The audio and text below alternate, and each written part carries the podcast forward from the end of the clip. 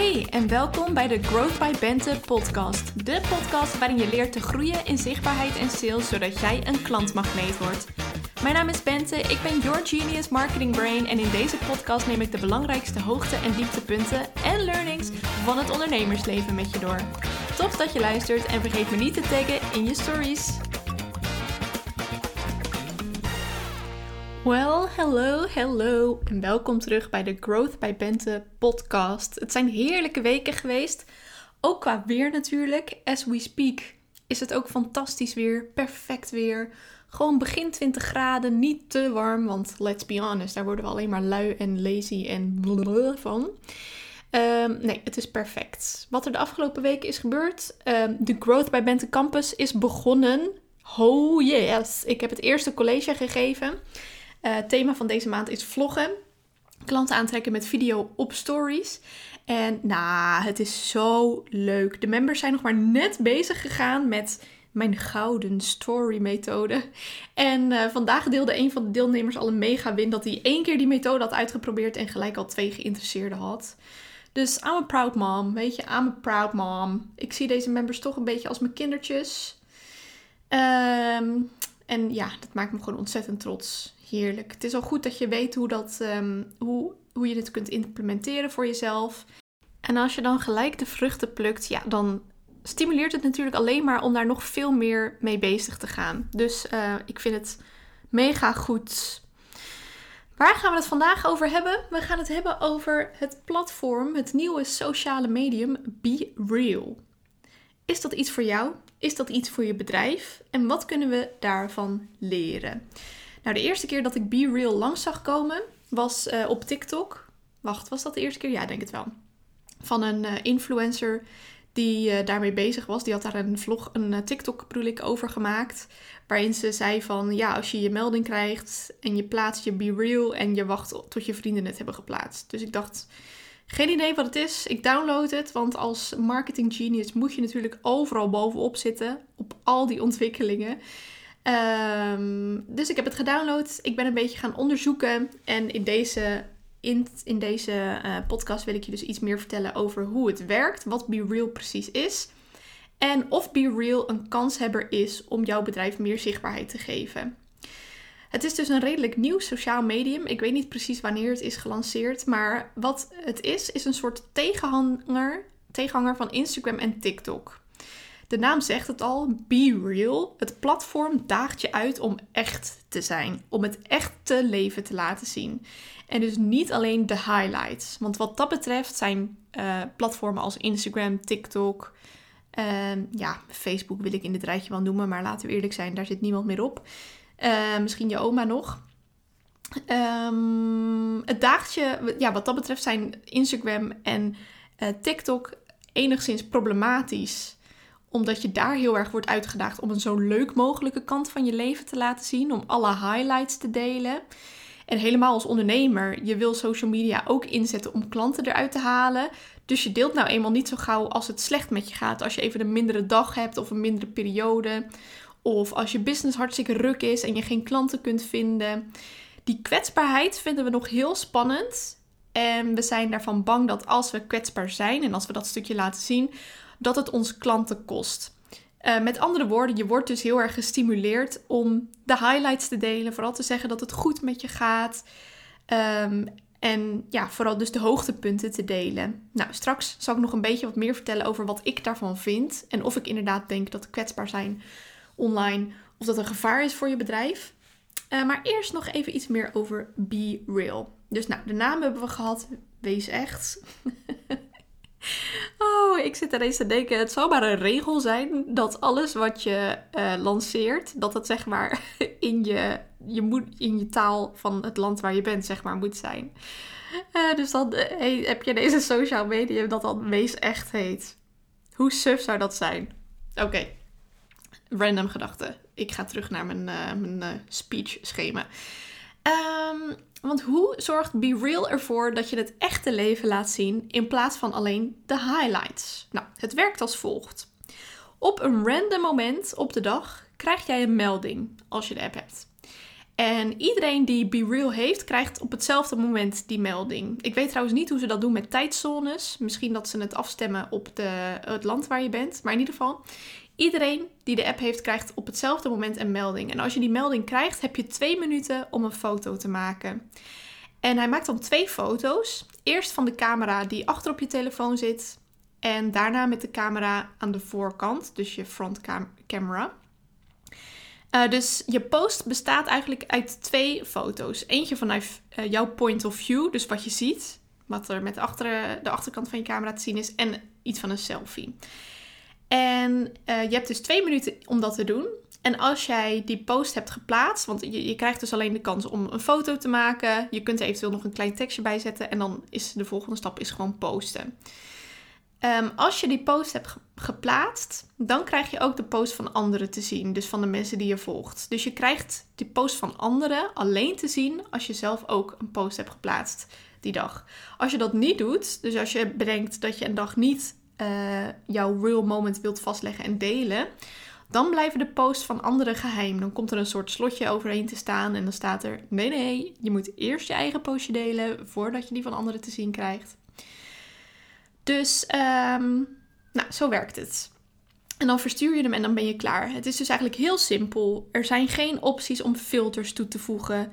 Je kunt niet de keus maken tussen een foto of een video.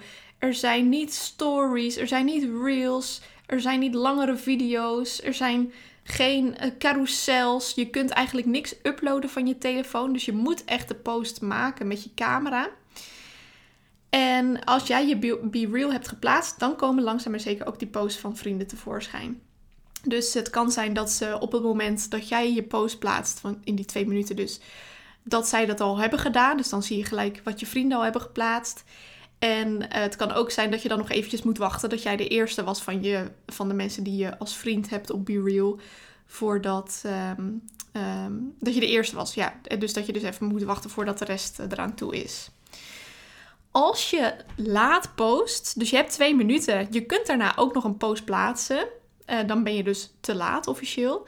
En dan komt het er ook bij te staan. Dus dan staat erbij vijf minuten te laat. Zodat jij weet, als je zo'n post ziet, van oké, deze persoon heeft vijf minuten later zijn foto geüpload. Dus misschien heeft hij wel gewacht tot een, een moment dat hij het meer uh, be real waardig vond. Uh, misschien zat hij net op de wc of um, uh, wist hij dat hij zo ging hardlopen en heeft hij erop gewacht om op dat moment de Be Real te maken. Dus dan komt het erbij te staan dat hij niet dus op het moment suprême de foto heeft gemaakt en geplaatst, maar dat hij te laat was. Zodat je dus met een korreltje zout kunt nemen of dit wel een echte foto was van het moment of dat diegene gewoon gewacht heeft tot hij iets interessanters te fotograferen had. Dat is natuurlijk niet de bedoeling dat je gaat zitten wachten tot er een interessanter moment plaatsvindt. En daarom komt die melding er dus bij te staan. Deze persoon was niet real, die is te laat. Nou, misschien was hij wel laat. Maar in ieder geval komt dus bij te staan hoeveel te laat je dan was. Dat is hoe de app werkt. En jouw homescherm, daarop zie je dan de foto's van vrienden. En dan uh, zie je dus uh, zowel de foto's die ze met hun achtercamera als met hun voorcamera hebben gemaakt. En daar kun je dan op reageren met een comment. Of je kunt een soort. Eh, of je kunt een emoji achterlaten. Of je kunt van jezelf een fotootje maken en dat plaatsen. Een instant emoji. Noemen ze dat. Dat is hoe het werkt. Dus het is eigenlijk heel simpel. Twee minuten, foto maken, plaatsen en klaar. Be Real motiveert jou om echt kwetsbaar te zijn Doordat je dus twee minuten krijgt om die foto te maken. Dus je krijgt echt een melding, een tijdsgevoelige melding zelfs. Uh, met maak nu die foto. Het is tijd om je Be Real te plaatsen. En je kunt alleen de inzendingen zien van, uh, van andere mensen als je zelf iets geplaatst hebt. En daarbovenop komt ook nog dat er dus geen ruimte is voor opsmoek. Geen filtertjes, geen um, videootjes, geen muziekjes. Het is gewoon foto maken en klaar. Nou, is Be Real dan ook geschikt om klanten aan te trekken? Ik heb hem gedownload gewoon omdat ik het altijd rete interessant vind. En het leek me op zich wel een geinig principe. Gewoon eens om te kijken van, uh, ja, uh, weet je wel, wie zit daarop? Hoe voelt dat dan om zo'n tijdsgevoelige melding te krijgen en op dat moment een foto te plaatsen? En uh, bij elk nieuw kanaal kijk ik natuurlijk ook van, kan ik dit inzetten voor mijn bedrijf? Nou, ik denk in eerste instantie niet dat Be Real nou per se geschikt is als een marketingkanaal. Want zoals ik net aangaf, is het heel simpel. Je hebt dus geen profiel. Er zijn nog geen advertenties die je. Uh, je kunt het platform nog niet inzetten om advertenties op te zetten. Je kunt nergens een link kwijt. De caption is uh, ook heel klein. En het is natuurlijk ook helemaal tegen het principe van Be Real.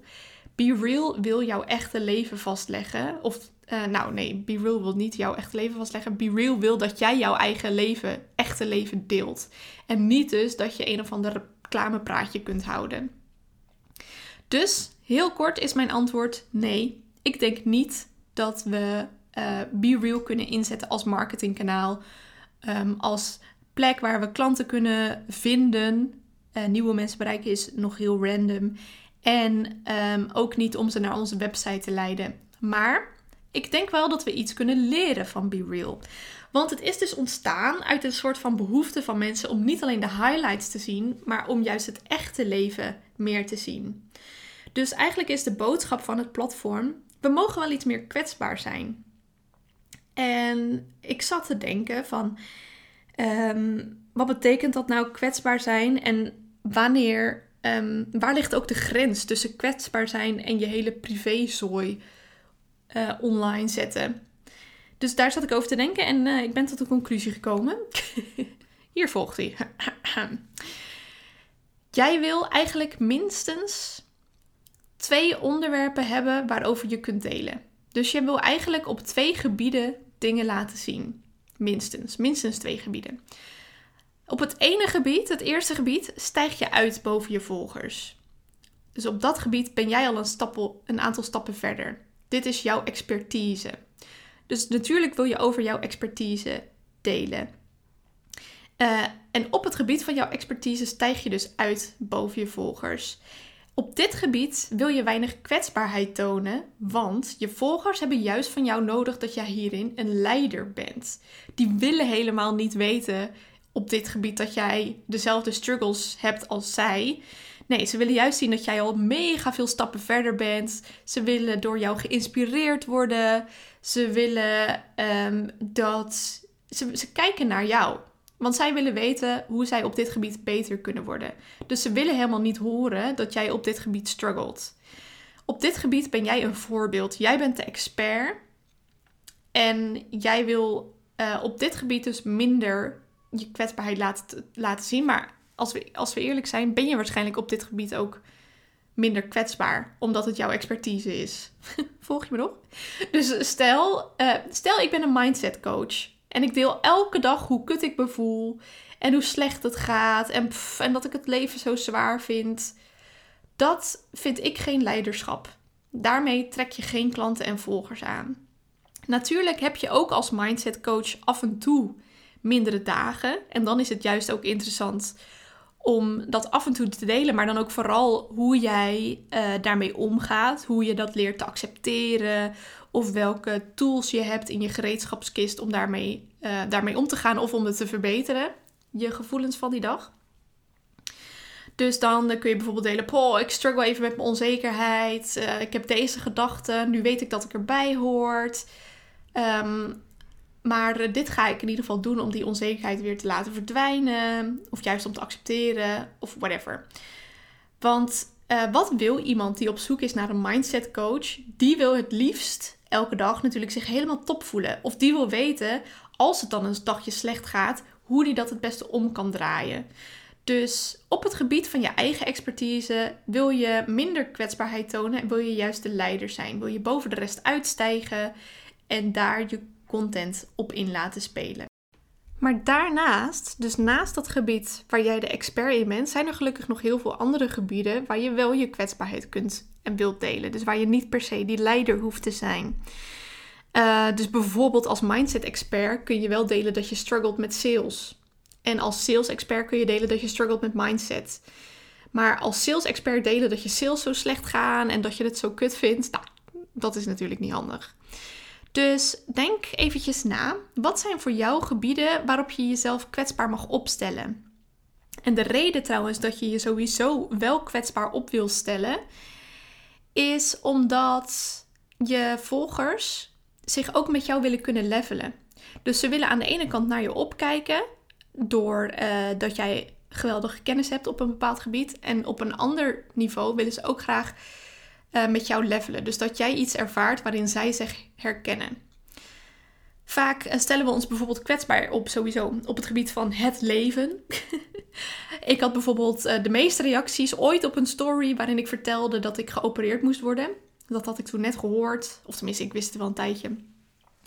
Dat het waarschijnlijk was, maar toen had ik net gehoord dat het echt zo was. Dus toen had ik er even op gegooid van, nou, super kut, ik moet geopereerd worden, bla bla, endometriose. dat, is niet, uh, dat is niet per se iets waar mensen zich in kunnen herkennen, maar uh, natuurlijk wil iedereen wel gezond zijn. Dus op dat vlak kunnen mensen zich er wel in herkennen en vinden ze het fijn om te zien dat ik ook maar een mens ben in plaats van alleen de genius marketing brain. Ik hoop dat je hoort dat ik heel sarcastisch ben op dit moment. Uh, weet je, met een korreltje zout natuurlijk. Maar dat, dat weet je van me als je me inmiddels wat langer volgt, als je meer podcasts hebt geluisterd.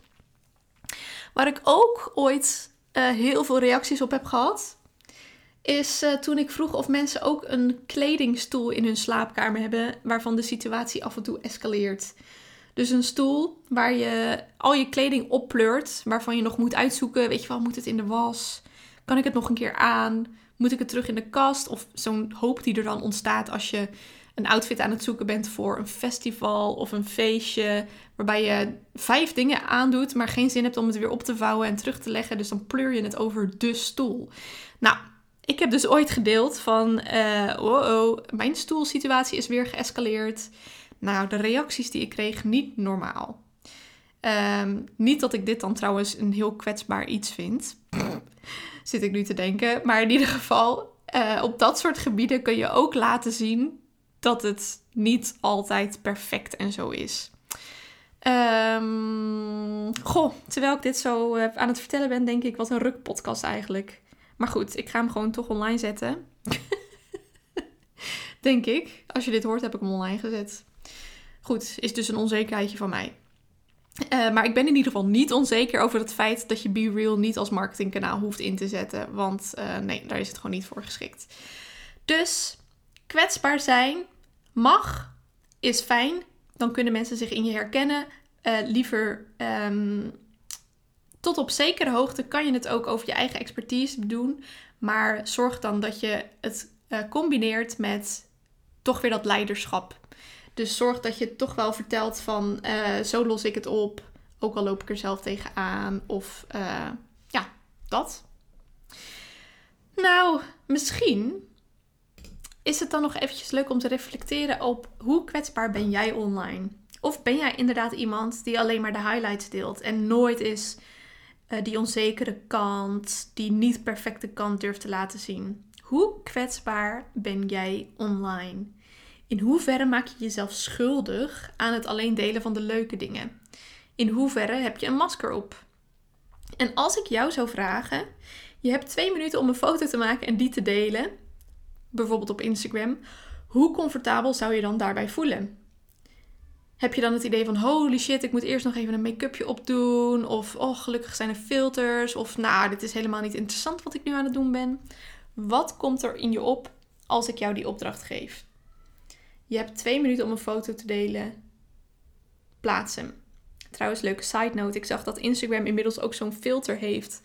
Waarbij. Uh, geen, uh, geen filterfilter natuurlijk. Maar zo'n. Um, nou, ik noem het even een camera-effect. Waarbij je dus zowel van de voor- als de achtercamera tegelijkertijd een foto maakt. Dus die optie is er ook om dat op, uh, op Instagram te delen. maar het is dus interessant om te ontdekken wat er in je omgaat en hoeveel filters, maskers, etc. jij hebt bij het delen van je content. Vond ik een leuke vraag.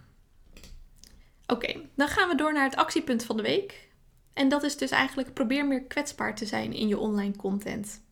Wees je bewust van de filters die je hebt en kijk of je daar een paar van af kunt halen, zodat je meer kunt levelen met je volgers. En, um, en misschien uh, heeft deze podcast ook wel je ogen geopend van holy shit. Ik ben inderdaad best kwetsbaar, maar ik uh, deel alleen maar over um, mijn eigen expertise en dan mijn kwetsbaarheid daarin. En kun je dus eh, kijken hoe je daar meer leiderschap in kunt tonen. Uh, door je kwetsbaarheid, ja, oké, door je, ja, door, door je kwetsbaarheid te combineren met thought leadership of met een bepaalde methode die je gebruikt en dat uit te leggen.